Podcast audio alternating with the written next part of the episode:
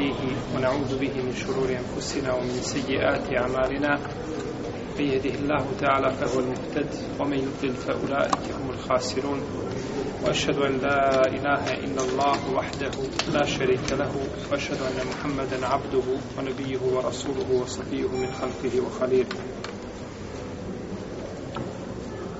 يا أيها الذين آمنوا اتقوا الله حق تقاته ولا تموتن إلا وأنتم مسلمون يا أيها الناس اتقوا ربكم الذي خلقكم من نفس واحدة وخلق منها زوجها وبث منهما رجالا كثيرا ونساء واتقوا الله الذي تساءلون به والأرحام إن الله كان عليكم رقيبا يا أيها الذين آمنوا اتقوا الله وقولوا قولا سديدا يصلح لكم أعمالكم ويغفر لكم ذنوبكم ومن يطع الله ورسوله فقد فاز فوزا عظيما أما بعد فإن أصدق الكلام كلام الله تعالى وخير الهدي هدي محمد صلى الله عليه وسلم وشر الأمور محدثاتها وكل محدثة بدعة وكل بدعة ضلالة ثم أما بعد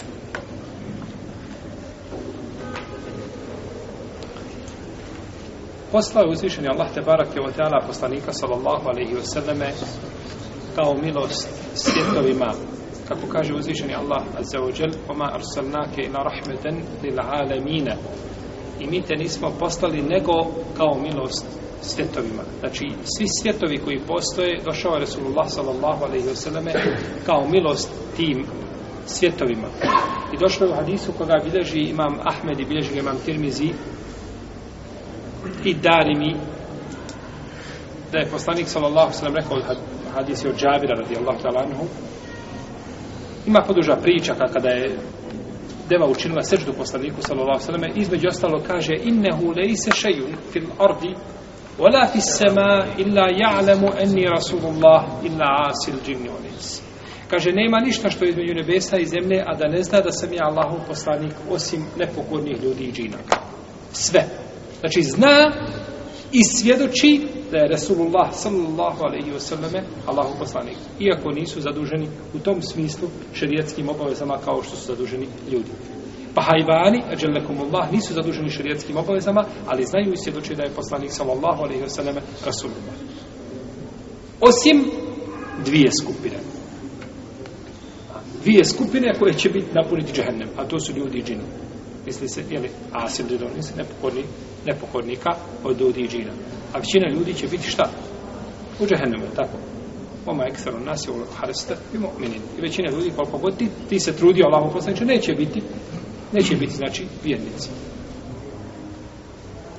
Pa je Resulullah sallallahu alaihi wasallam čovjek koji je sakupio najljepše osobine kako u svome izgledu, u svome stvaranju, tako i u svome ponašanju. I dao mu je uzvišen je Allah te barake od tela ono što nije dao drugim poslanicima od odlika, tako da su islamski učinjaci naši pisali posebna djela. Imam Sujuti napisao djelo El Hasaisul Kubra u kome je pokupio sakupio odlike poslanika sallallahu alaihi wa alaihi wa sallame koje nemaju drugi ljudi. I zaista tih odlika je jako, jako puno. Od tih odlika jeste da je njegov ummet najbolji ummet. Umet poslanika, sallallahu sallam, je najbolji umet koji se pojavio na zemlji. Kada kažemo umet, ne mislimo samo na ashabe, niti na tabine koji su bili odabrane generacije, mislimo na umet do sudnjega dana. I zato će broj stanovnika u džennetu od ovoga umeta biti najveći. Mi smo u odnosu na druge umete kao bijeva dlaka na koži crnog bika. Ili obratno, crna dlaka na koži bijelog boje. Znači, ne predstavljamo ništa, brojčano. No međutim, kada je u pitanju nagrada ahiretska, tada ćemo biti najbrojni. Pa je došlo od Isu ibn Mesauda, koga bi duže Buhari je muslim, da je poslanik sa osam rekao, inni la arđu en tekunu šatra ehlil dženne. Kaže, ja očekujem, molim da vi budete a, polovina stranika dženneta. A poslanik sam kada kaže očekujem, to znači da će sigurno tako biti. Znači sigurno tako biti. I došao neki rivajtima koji mi dobar lanac prenosilaca inne ummeti sulusei ehle džennet. Moj ummet će biti dvije trećine stranika dženneta. Dvije trećine, a jednu trećinu smo podijelili tamo drugim narodima i drugim poslanicima i njihovim sljedenicima. I došlo u vjerodostojnom hadisu da stanovnika dženeta ima 120 sapova, 80 sapova od ovoga umeta.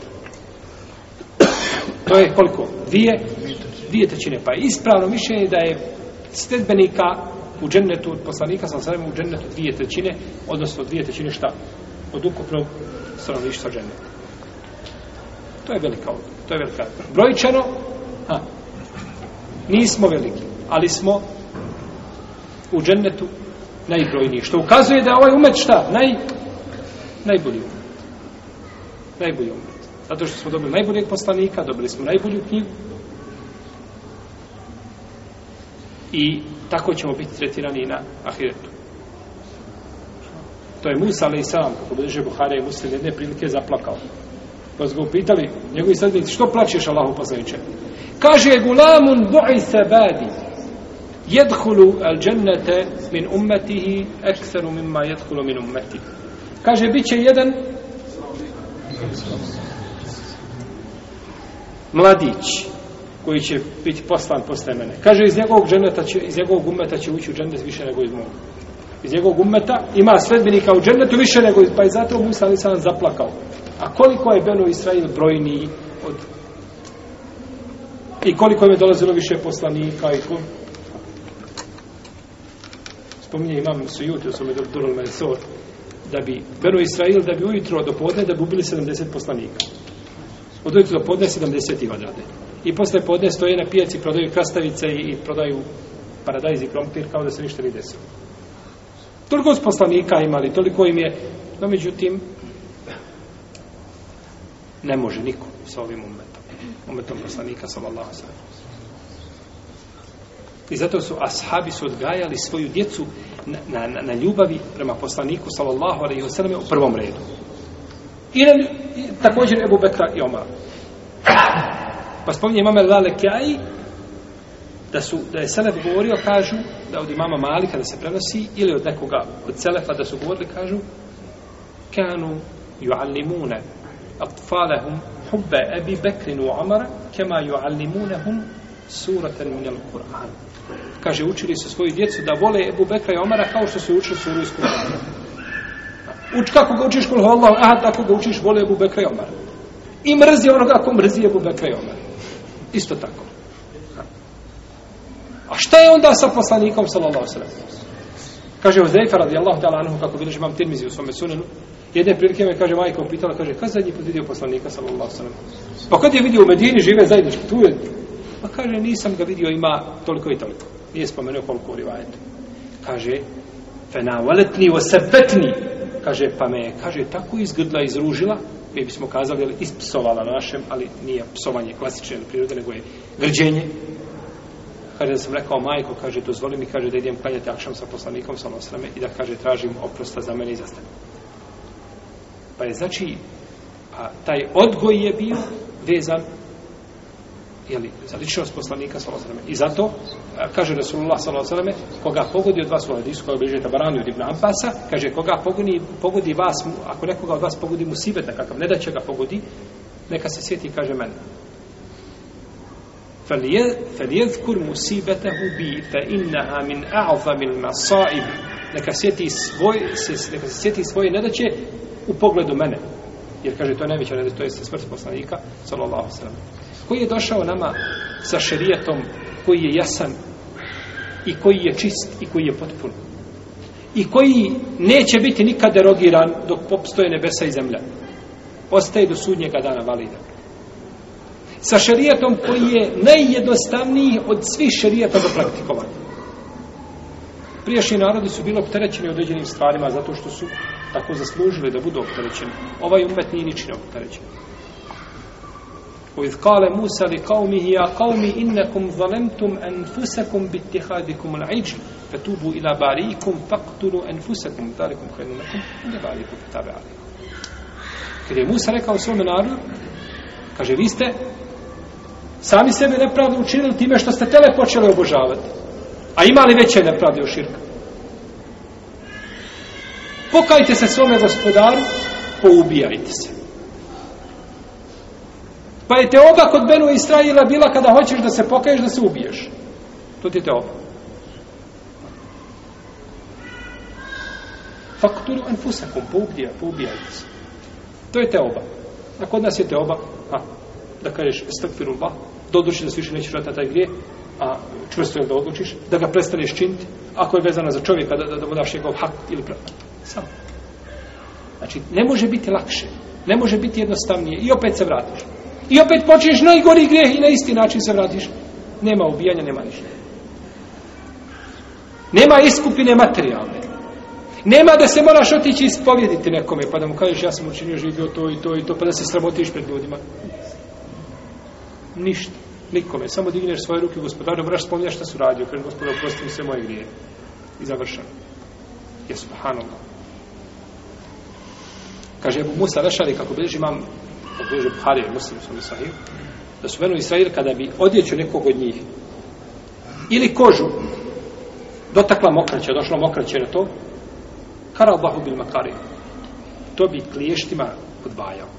Znači, dotakla ti je mokraće prste, e, zato sve što je dotakla kože, uzmeš onaj skalper i oguliš. Dobro, koje vješte imanje će spoznavati? Ko nije, Nema, nema pranja. Nema pranja. Kod nas pereš. Samo pereš. Čak trag da ostane ne smeta. Dobro red. Trag kada ostane od nečega ne smeta. Tragovi ne smetaju. Bito je sukloni onaj, onaj globalne džaseta. Iziđe krv na odjeću, opere se u veš mašini, iziđe napolje, ostaje dalje crvena fleka, ne smeta ništa. Dobro red. Kao što smo spominjali za krv, za meso kada smo spominjali tako, kada se kupi meso i dođe se kući, ne znam koliko da ga opereš, kada staviš u posudu, opet biva šta? Voda? Crvenka se, tako? To što je ostalo u mesu, to sitak, to ne sme, to se jede. Ničim. Mi smo opterećeni. Pa je zaista šerijat poslanika, sallallahu alaihi wasallam, najpotpuni, najjednostavniji šerijat. I zato čovjek, kada bi od dana kada ga je majka rodila pa do pozne starosti osnovne sežde Allahu zahvaljujući samo zato što ga je učinio sledbenicima poslanika sallallahu ne bi mogao zahvaliti. A da ne govorimo da zahvali na blagodati islama općenito kojim su bili počešćeni svi ljudi, on tako dade, ali se nam pa nadalje. Pa hvala stvoritelju Tebara Kjotala koji nas je učinio sledbenicima najboljeg poslanika. Molim da Tebara Kjotala da budemo sa njim u džennetu. Firdevsu. Amen. Mi smo u našem zadnjem predavanju govorili o starostnoj dobi.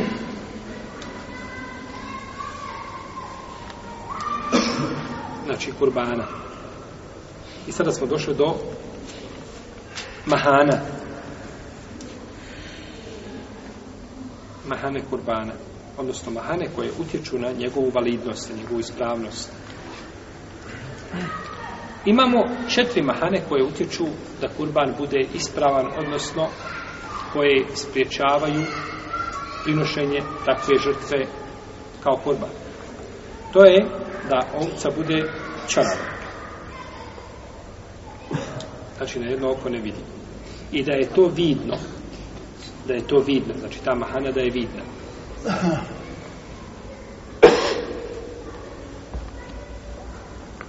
preče je da ovca koja je slijepa ne vrijedi kao kurban.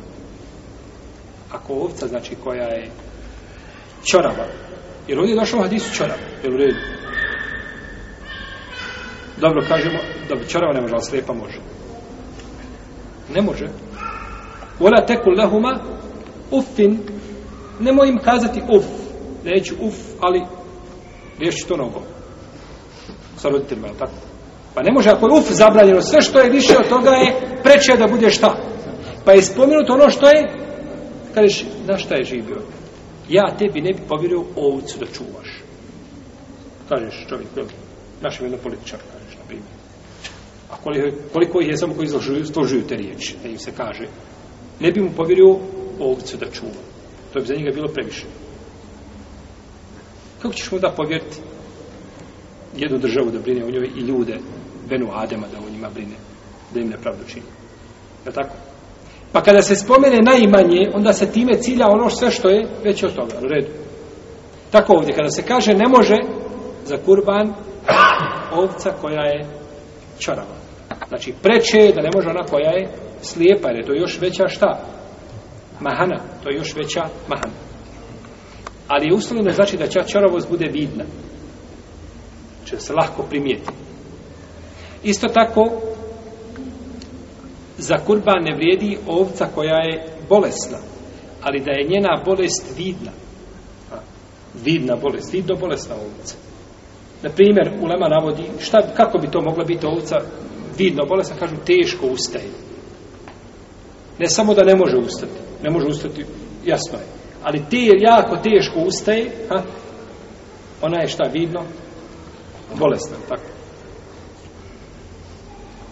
Isto tako ne može biti ovca koja je šepava. I da je njena šepavost vidna. Da je njena šepavost vidna. Ako ne može ovca koja je šepava, onda ne može ona koja nema nikako noge. To je po noga ucičena. Jer ova ima nešto. A ova nema ništa. Pa je ona preča da bude šta? Zabranjena ili ovca koja je noga slomljena. Ona koja šepa je, to je manja mahra nego šta ona koja ima slomljenu nogu, je tako? Znači ovca, kupio čovjek ovcu s prebijenom nogom. Kaže, nema nigdje u, do, u šarijetskim argumentima da se to šta zabranjuje. Kaže, ovo nema da se zabranjuje a, direktno, ali ima indirektno. A to je šta? Šepava ovca. Ova ne samo da je šepava, nikako ne može stati na nogu, je tako? I kažu, kada govore šta je to šepava, kako ćeš znati da li je ovo vidno je problem? El arža, da je netul arađ, koja je vidno šepava. Kako ćeš znati da li je vidno šepava, nije vidno šepava? Kažu, ako zaostaje iza stada, stado ide i ona je uvijek tamo negdje iza, uvijek je moraš gledati gdje je da, da ne ode stado, ona je šta vidno. No, međutim, ako šepa, ali uvijek ide stadom, nije šta vidno, nije vidno šepava.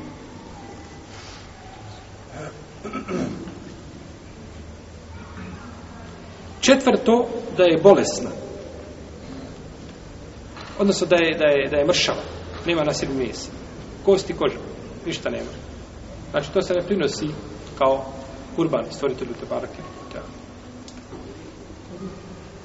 I tako došlo od Isola Bera ibn Aziba, koga bližine sa ibn Maživa, Mahmed i drugi sa ispravim lancem prenosilaca, da četiri, znači životinje, ne mogu kao kurban, ne mogu poslužiti kao kurban, pa je spomenuo ovdje čarava koja je vidno čarava, bolesna koja je vidno bolesna, šepava koja je vidno šepava i mršava koja je vidno, znači mršavo stjena vidi se, znači dok je vidiš sve je utonulo, tako, sve se pokazala rebra, znači ne može tako nešto poslužiti za kurban.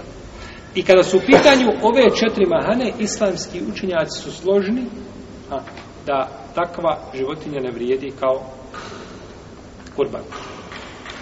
Znači, životinja koja ima jedno od ovih je više mahana ne vrijedi kao kurban, neće se koristiti, znači neće se tretirati kurban. Bez razilaženja, dakle, među islamskim učenjacima. Imamo drugu vrstu a, mahana, a to su mahane koje su mekruh. Znači, kurban kao kurban će vrijediti. Ali je to mekruh. Znači, prinošenje takve žrtve mekruh. kao ovca koje je odsječeno uho ili dio uha.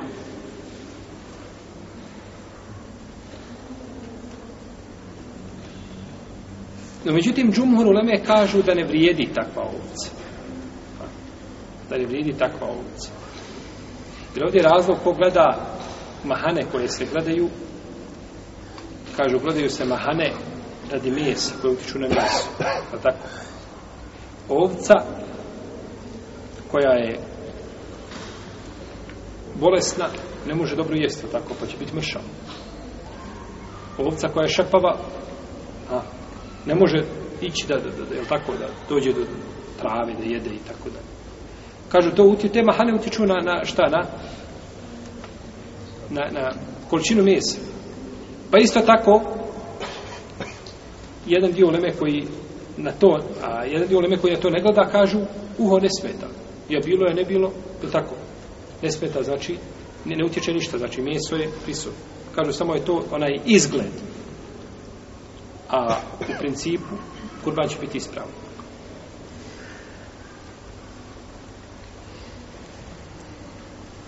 No, međutim, došlo u hadisu Alije radijallahu ta'ala da je poslanik sallallahu alaihi wa sallam rekao, kaže, ili Alija kaže, emarana Rasulullah sallallahu alaihi wa sallame, en nestešrife el ajne wal udun. Kaže, naredio nam je poslanik sa osam, da gledamo u oči i u uši životinje, da vidimo, znači, da to pogledamo. Pa kažu, rečeno je u prethodnom hadisu, el beraj braziba, da četiri vrste ne vrijede. A za ovo nije rečeno da ne vrijedi, nego je šta rečeno da se pogleda, da se pazi. Pa kaže, onda je mekru. Ako se koristi, onda je mekru. U svakom slučaju tu postoji razdruženje među islamskim učenjacima. Pa kažu, preče je to izbjeći, pa ako je ovca ima, primjer, probijeno uho ili odsječeno ili rasječeno uho, slično tomu, kažu, to je bolje izbjeći, a nije haram, znači, odnosno nije zabrenjeno, odnosno neće biti neispravan kurban ako se takva prilika prinesi. Imamo jednu životinju, odnosno e, imamo ovcu koja se, e, za koju se kaže eseka. Eseka je ovca koja je rođena bez ušiju. Znači, rođena je bez uši. Za takvu ovcu, kaže imam Ebu Hanife i Maliki Šafija, da ne vrijedi. Bez obzira što je rođena takva, da ne vrijedi. Da ne vrijedi ako je rođena. A ako je rođena sa malim ušima, izrazito malim, znači imaju, kažu da može proći. Isto tako životinja koja je prebijen rog i većinski dio roga. Većina uleme dozvoljava takvu životinju za kurban. No, međutim, uslovljavaju to da ne, u tom momentu kada je rog, znači, prebijen i slomljen, da ne ističe ništa od krvi. Ovaj, da ne izlazi krv. Ne znam kako kada se slomi rog, ja neko vidio možda ako bio iz korijena izvaljen, to je drugo, da li krv ističe, kako je mišljen, kako se ovdje ovaj, šta se time smatralo, ali je bilo znano, međutim, imam Malik je smatrao da a, ovca koju je ovaj ako teče krv, imam Malik kaže da je mekru zato što je to, kaže, vidna je to vidna je to nekakva mahana ili bolest. Došlo je u ome hadisu Alije, koga se spomenuli prethodno, da je poslanik sa osam naredio da se gleda u uši i u oči. Spominje se i rogovi se spominje. Međutim, taj dodatak nije ispravan. Znači, nema vjerodostojnog hadisa o, znači, rogovima. I imamo treću vrstu mahana koje ne utječu koje ne utječu na one su znači izgled životinje ali će biti ispravno znači njihovo prinošenje el hetma el hetma to je životinja koja nema zuba ovca nema šta na primjer zuba ili el betra koje je otkinut rib ili ilije a to je ne znam one ako ste gledali vrste one ovaca što imaju znači da je lojnati dio na zadnjem stražnjem dijelu tijela. Znači, često da šaulu vukovi kad napadnu stado, to pih spomnio u svojim knjigama. Gdje je vuk trčao, tamo gdje mu je naj, najslađe, najljepše. Pa su to znali, znači, da uhvati i otkine jedan taj dio toga. Znači, nasrtali su tako vukovi na stada. Pa, kada bi se to desilo, je li to dozvoljeno? Ha. Pa je i tu nastalo razilože među lemom. U lemom, znači, da, da li taj, taj kaže, dio je ciljan. Ha. Taj loj je ciljan čime? klanjem životinje, kao meso. Pa je nastalo tu raziloženje. U svakom slučaju, ovim mahanama, shodno mezhebima, po četiri mezheba, je, smo, govorili smo opširno tamo u knjizu o, o kurbanu. Pa nećemo ovdje sada ništa o tome, nešto posebno govoriti, jer to je samo raziloženje mezhebska, ovaj, jeli, ili pogledi fakriha, kada su pitanje na mahane životinje. Isto tako, el džeda, to je životinja koja je otvinut nos. Nos i slično.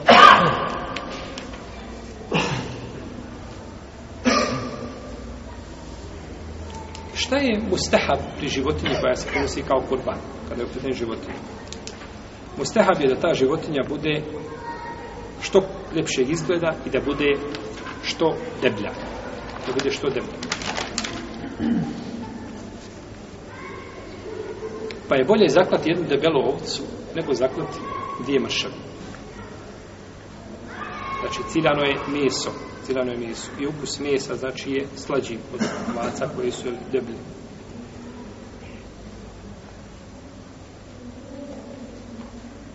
A da ovca bude debela, kažu da je bolje, znači da bude debela, nego da ima na sebi a, znači da ima više mesa nego više loja. U redu znači da je, jer kažu, mjeso je vrednije od čega?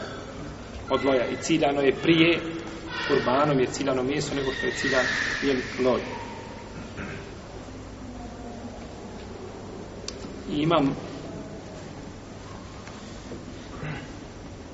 šafija je dokazivao ome ju azim še'air Allah fa innaha min takvoj kulub ajetom ako uvažava Allahove simbole, on je, to je od bogobojaznosti srca, on je time dokazivao da je to gojenje kurbana, da izgleda, znači, debeo. Tako. Tako da, pa je to bilo poznato. Mi su voljeli, znači, ovaj, kada su pitanju žene isto tako. Tako je bilo poznato njihovim poezijama. Pa Mahmed jedne prilike spominjava Zehebi u Sijeru, spominje, da je Mahmed poslao da mu kupe, da budu kupiti robinju na pijacu. Kaže, gledajte, kaže da ima, kaže, malo na sebi. Jasne. Da ne bude, kaže, mršava.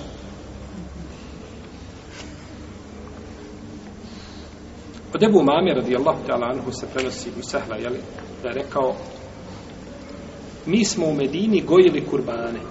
Gojili smo ih da budu ha, debeli. I kaže, tako su činili muslimani. Tako su činili šta? Muslimani. Za kurban je najbolje primijeti kako smatra džumhur uleme, suprotni mamu Maliku, najbolje prinijeti devu, potom kravu, potom ovcu. Dok ima Malik kaže ne, ovca pa krava pa devu. Ima Malik se vraća na ukus mesa, jer je ukus mesa znači najljepši od ovaca.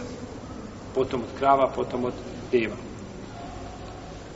Međutim, Džumur Leme dokazuje hadisom poslanika sallallahu alaihi wa sallam ili poznatim hadisom u Buhari kod muslima ko dođe petkom na Džum u prvom sahatu kao da je primio šta? Ne. Pa ko dođe u drugom kao ko dođe u trećem ovicu. Pa kažu došao je poredak, onaj ko došao u prvom sahatu ima veću nagradu od onoga šta ko je došao u drugom sahatu a to je krava, pa onda ovca i kako se smanjuje, na kraju dođe do čega? Do jajeta, tako. Znači, nagrada pada. Jer da nije ciljana, znači time ta nagrada, zašto bi bio ovaj, znači, poredak na ovakav način? Isto tako kada je Ebu Zer pitao poslanika, sam samo najboljoj žrtvi, rekao je, kaže, koja je najskuplja i koja je najvrijednija kod čovjeka. Imaš stadu. I znači, jedn, imaš jednog ovna, posebno ti drago. A, zato što je velik, ugojen. I posebno ti drag. I dođe kurban. Najbolje što može zaklati jeste to što je najbolje. To što najviše voliš i najviše šta cijeniš, ima kod tebe najveću vrijednost, to trebaš prinijeti stvoritelju te barake. Uzvišen je Allah kaže Len tenanul birre hatta tunfiku mimma tuhibbu. Nećete dostići dobročinstva dok ne budete davali ono što volite to je ljudima, čovjeku, dođe ti mujo i hase, prosi ili ne znam, potreban je pa mu daš ono što voliš. To je pravo dobročinjstvo. Ne onako ti je ostalo da ti ne smeta, pa da se ne bi zahmetio da to u vreće trpaš, pa to izbacivaš negdje tamo u kante, nego kažeš, hajde, por, uzmi to. Znači, on je tu tebi sluga. To tako? Ne, daješ od onoga što najviše voliš. Ibn Omar, kad je čuo ovaj ajet, kako bilježi imame Budavud u svome dijelu uh, eh, Zuhdu, sa vjerodostavim lancem prenosilaca, kaže, a najdraže meni je što imam, kaže, jeste Rumeisa, moja robkinja, pa je oslobodio. Pa je oslobodio. I nije samo oslobodio, nego je udao za svoga slugu Nafiju. Pa to je dva puta slomio šeitana. Prvi put da je oslobodiš, robkinja najljepše, najdraže što imaš. Je u redu, robkinja. I ti je oslobodiš, nema više. I nakon toga ne sad kajdu, nego te udajem za meni najbližeg roba, pored mene koji je stalno uz mene, ne ula, ne sluga u tom smislu, a to je nafija. Samo jedan ajet što je čuo. A Omer je davao šećer. Gdje bi šećer? Pa kažu, Omer, šta je šećer? Kaže, bojte se Allaha, kaže, ja najviše volim šećer. Zato ga šta? Zato ga dijelim. Pa je ovdje došlo znači da ona koja je najvrijednija, znači ovca koja je najvrijednija kod čovjeka. A? To je najveća, jer čovjek daje ono što je kod njega, u njegovim očima šta? Najvrijednije je sigurno da tada ima najveću nagradu. Što se tiče Malikija, oni kažu, poslanik je sam primio ovcu, tu je vrć, ili ovna, I kažu, rekao uzvišeni Allah te barak je otala, ofedejna bi zibhin azim i mi smo ga iskupili velikim kurbanom. Čime je iskupljen? Ismail ili Ishak. Ko je bio? Ismail. Ismail. Židovi kažu da je bio Ishak. Kod nas je ispravno mišljenje da je to bio Ismail. I mi smo ga iskupili velikim ovnom pa kaže ovo nije bolje. U svakom slučaju, džumuru leme bi Allah valim imao jače dokaze. Ima jasnije dokaze. Ima jasnije dokaze da je prirušenje ove žrtve bolje. No međutim, moglo bi se kazati da je bolje čovjeku da zakolje ovcu nego da učestvuje da bude jedan od sedmerice kada je u pitanju deva ili krava. Kao što smo govorili u prošlom predavnju. U redu. Sam da prineseš ovcu je bolje nego da učestvuješ sa sedmericom u kravi. Zato što si primio žrtvu. A sedmerica su primila koliko žrtvi? Jednu. Jeste vrijednost, ali isto tako prinošenje žrtvi i velika stvar. Koliko je žrtvi? Da tako? Koliko je žrtvi? Nemojte da ovo zbuni neko što smo kazali prije da je bolje zaklati jednu debelu nego dvije šta? Mršave. Jer je debela ciljana. Jer u redu? A mršava nije šta? Ciljana, pa stoga je bolja. Protivno je bolje da svako zakolje znači, da svako zakolje je ovaj po žrtvu. I zato ponekad šarijet gleda na broj, gleda na, pa kada bi čovjek zaklao muškom djetetu za akijiku, devu ne vrijedi. Od ova vrijedi nije deva, nego sedam ovaca, ili deset po rivajti mnabasa, ako što govorili, iako rivajti ima pri sebi ono što ima govorili smo o njemu prošlog puta, no međutim, ne može, širijetom je tako definisan. Da ide bravić, a ne može za akiku šta ići? Deva, i ne može krava. I ne može sedam ljudi, kaže imamo sedam akika i zaklaćemo kravu. Ne može, morate zaklati šta?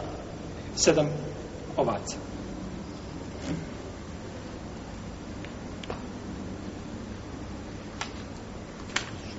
Došlo je ne, kod neke oleme da su govorili da je da je najbolje da bude bijela ovce, lepo stanik, sa osreme tako, plavo. A međutim, nema jasnih argumenta koji bi ukazali na ovaj aftalijet da li je poslanik sa plavo što je tako bila ili je tražio ciljano bijelu ovcu. I nam to došlo u sunetu poslanika sa Allahom. Zabranjeno onome ko želi da kolje kurban kada nastupi zadnjih odnosno prvih deset dana mjeseca Koliko? Hm? Liđet. Šta da radi? Da sveže nokte, znači, ili kosu, ili nokte. Nokte, kosu ili kožu, da u kožu, govorili smo kolega, da smo prošli pod kožu i na što se to odnosi. Pa se u nama razilazi po pitanju ovoga hukma, jer je došlo u hadisu u Museleme, koga bližava muslim u svome sahivu, da je poslanik sam rekao, kada uđe zadnji deset dana Ramazana, ono zadnji, kada uđe prvi deset dana Zulhidžeta, pa ko bude htio da kolje neka ne dira u svoju kosu i u svoju kožu. Kao jedno sem dvaj svoju nokti. Pa kaže Ibn Musaib, Rabija, i Ahmed, i Ishaq, i Daud, i neki šafijski učenjaci, da je to haram, da je zabranjeno da se uzima nešto od kose ili noktiju. Sve dok ne zakulje kurban. I spoljašnjo, spoljašnost ovoga hadisa, znači ukazuje šta na ovu činjenicu, tako. Neka to ne čini, znači došla je zabrana. Došla je zabrana. Dok ima malki šafija, kažu i većina šafijskih učenjaka da je to, da je to mekru, da nije haram, nego je mekru. A imam Ebu Hanifa, rahimahullah, da kaže da što, to do dozvoli. Vjerojatno da do imama Ebu Hanife nije došao ovaj hadis. Protivno ne bi imam Ebu Hanife sigurno kazao suprotno, jeli, suprotno hadisu.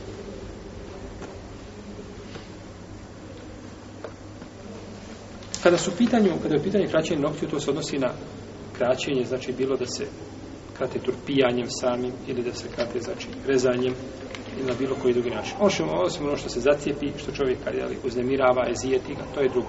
To je drugo. A što se tiče dlaka, isto tako bilo se radi o dlakama ispod pazova, sa stidnih mjesta, praćenje brkova, tako, brijanje brade, svakako. Što nije dozvoljeno ni u tih deset dana, ni mimo toga znači bilo kakvo kraćenje znači kose tijela dlaka uzmanje nije dozvoljeno osim ono što je zijeti čovjek ako bilo nešto da je zijeti onda je dozvoljeno ono što je zabranjeno znači dlaka iz, iz, iz obrva ide u, u oko pada ispred čovjeka je zijeti skrati je znači skrati je ako ga je zijeti je zijeti mu vid može to makati Šta je hikmet i mudrost ovoga?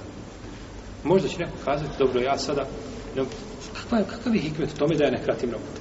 Islam je vjera čistoće, jel tako? To će ovi logičari koji stalno nešto prigovaraju islamu nekakvom logikom svojom, kažu ovaj, ili mogu kazati, ili zbog čega insan da ne uzima, je to higijenski ili nije higijenski. U tome ima sigurno mudrost. Kakva je mudrost, nije ne znam. Teško je kazati. Najzad znali tu mudrost ili ne znali, to nas ne zanima. Apsolutno. Nama je dužno da se pokorimo stvoritelju te barake tamo.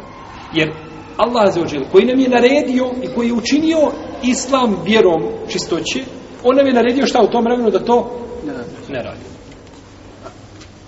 A uzvišen je Allah najbolje zna šta je za nas dobro. Pa koji nam naredio da se čistimo i koji voli, inna Allahu hibbuta wa abinu, hibbul matatahi. I vole one koji se čiste, u svakom pogledu čisti svoju dušu, čisti svoje tijelo, ovaj to je i zato braću čovjek mora se malo brigu o ovim znači o čistoći svoga tijela leti i čudim se čovjeku koji dođe negdje izvana radio cijeli dan ili ima nekakve obaveza i dođe kući sa ženom, boravi, sjedi, ruča, jede, pije, naveće i legne u postelju da spava, nije se tuširao. To je belaj. I ako treba svaki dan da se tuširaš, nije spoj. Nije to raspanje. Ako čovjek ima potrebu da se tušira, nira se.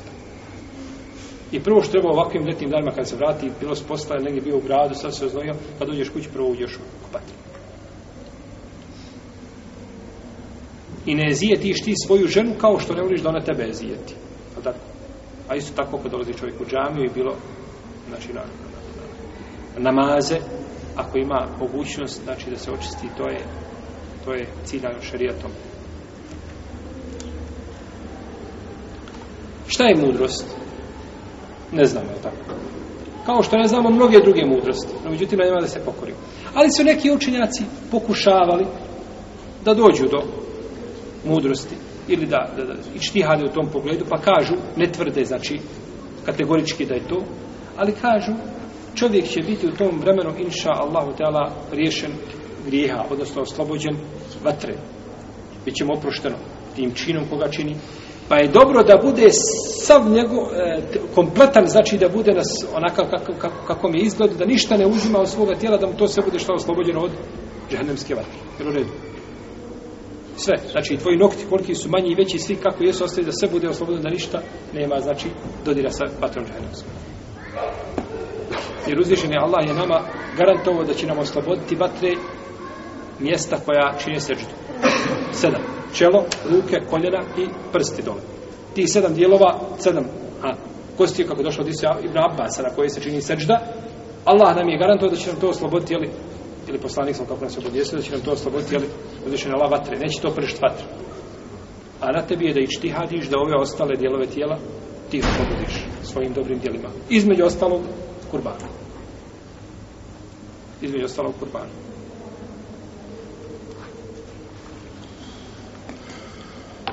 vrijeme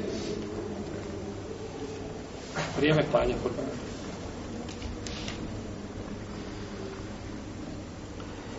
Islamski učenjac složni da nije dozvoljeno klati kurban prije nastupa zore. Kada kažem nastup zore, na koji, koji dan mislim? Dan kurbana, prvi dan kurbana, tako, odnosno prvi dan bajrama. a razilaze se mimo toga. Pa kaže Imam Šafje i kaže Davud ibn Munzir i drugi da nastupa vrijeme klanja kurbana nakon izlaska sunca i kada prođe toliko vremena da se može klanjati bajram namaz i da se održe hutbe. Pije hutbe i bajram namaz. A, pa govorili smo, kad su pitanje hutbe, smo govorili o bajramu, sjećate se. Nekada davno, znači, ovaj, razlikuje se Bajram u tom pogledu džume i koliko hutbi ima Bajram. Ima li dvije ili jednu?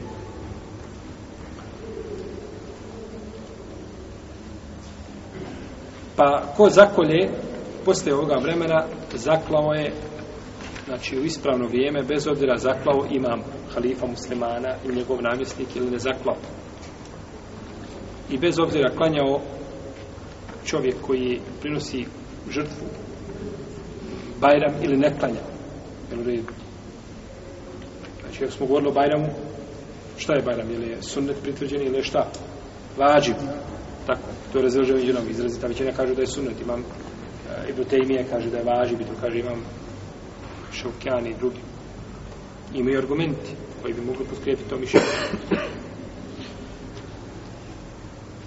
bez obzira bio taj čovjek koji kolje kurban iz grada ili bio sa sela, izbio iz pustinje, odakle god da bio, isti je propis.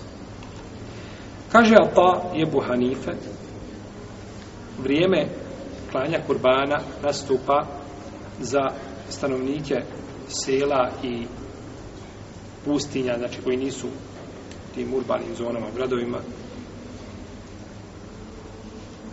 nakon nastupa prave zore nakon nastupa druge zore. Mislimo na šta? Na pravu. Imamo lažnu i pravu zoru. Jel? Nakon nastupa prave zore, a to je kako nastupa prava zora? Ko će mi kazati? Šta je to prava zora? El Feđu Sada. A? Kad se vidi horizontalno svjetlo. A lažna je kad se vidi kao vuči od znači, znači samo jedno svjetlo, kao stop svjetlosti koji pada može se primijetiti. On, to je lažna zora.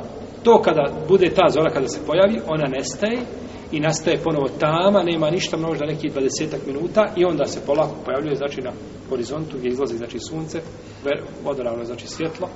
E, to je prava zora. Nakon nastupa te prave zore, smije se klanjati, a ne smije se jesti pit. Kada je u pitanju ko? Post. Post, jesti.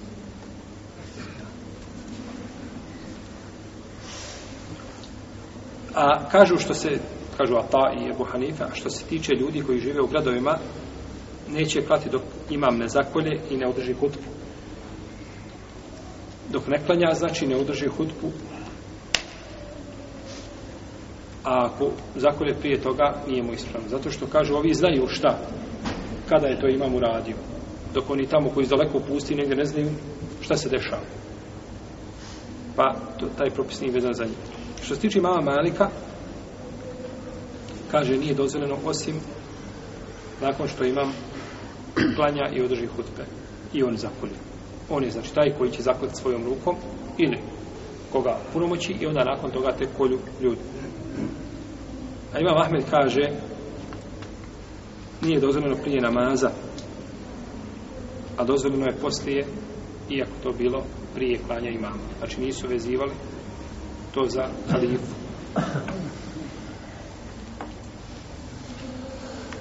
Došao je kod Buhari kod muslima da je ono se ibnu Malika da je poslanik sallam rekao ko zakolje prije namaza zaklao je sebi. A ko zakolje poslije namaza njegov je obred upotpunjen. Njegov je obred upotpunjen.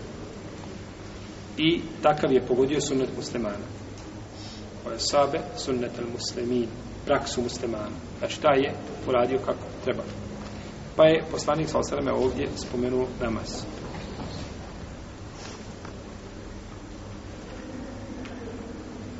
I tako došlo od Isu isto je Beraj ibn Aziva, je Allah talanhu, da je poslanik sam rekao, kaže, prvo što ćemo početi ovoga dana, jeste da klanjamo, pa ćemo se vratiti i zaklati životinje, odnosno zaklati kurbane. Ja,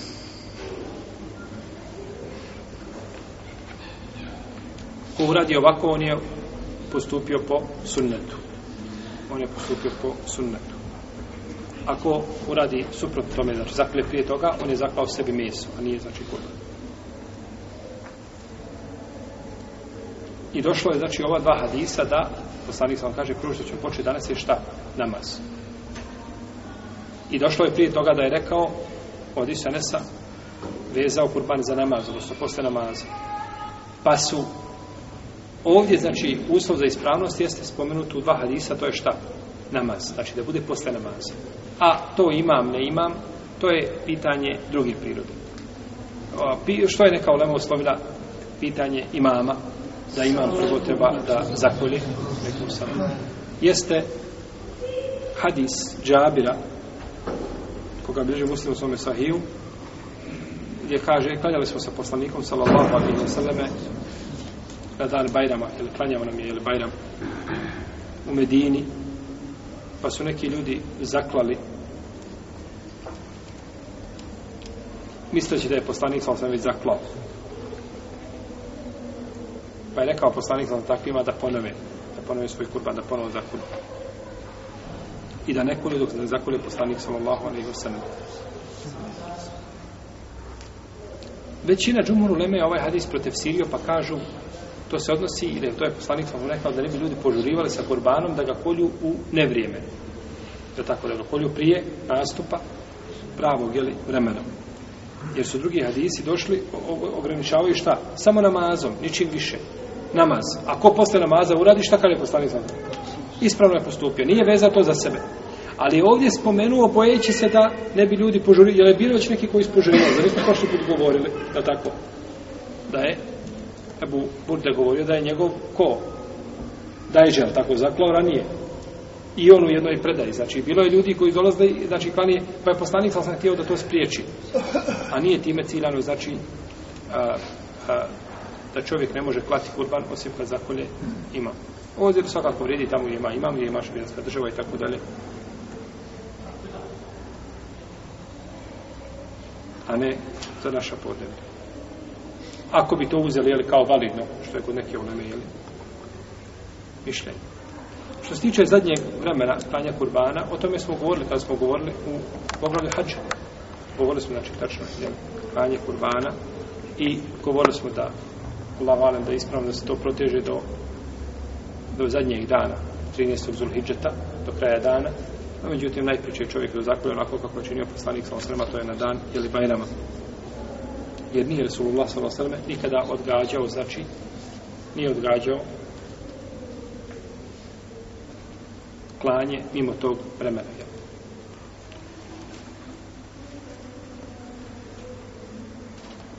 Ovo je bilo nešto što se tiče vremena.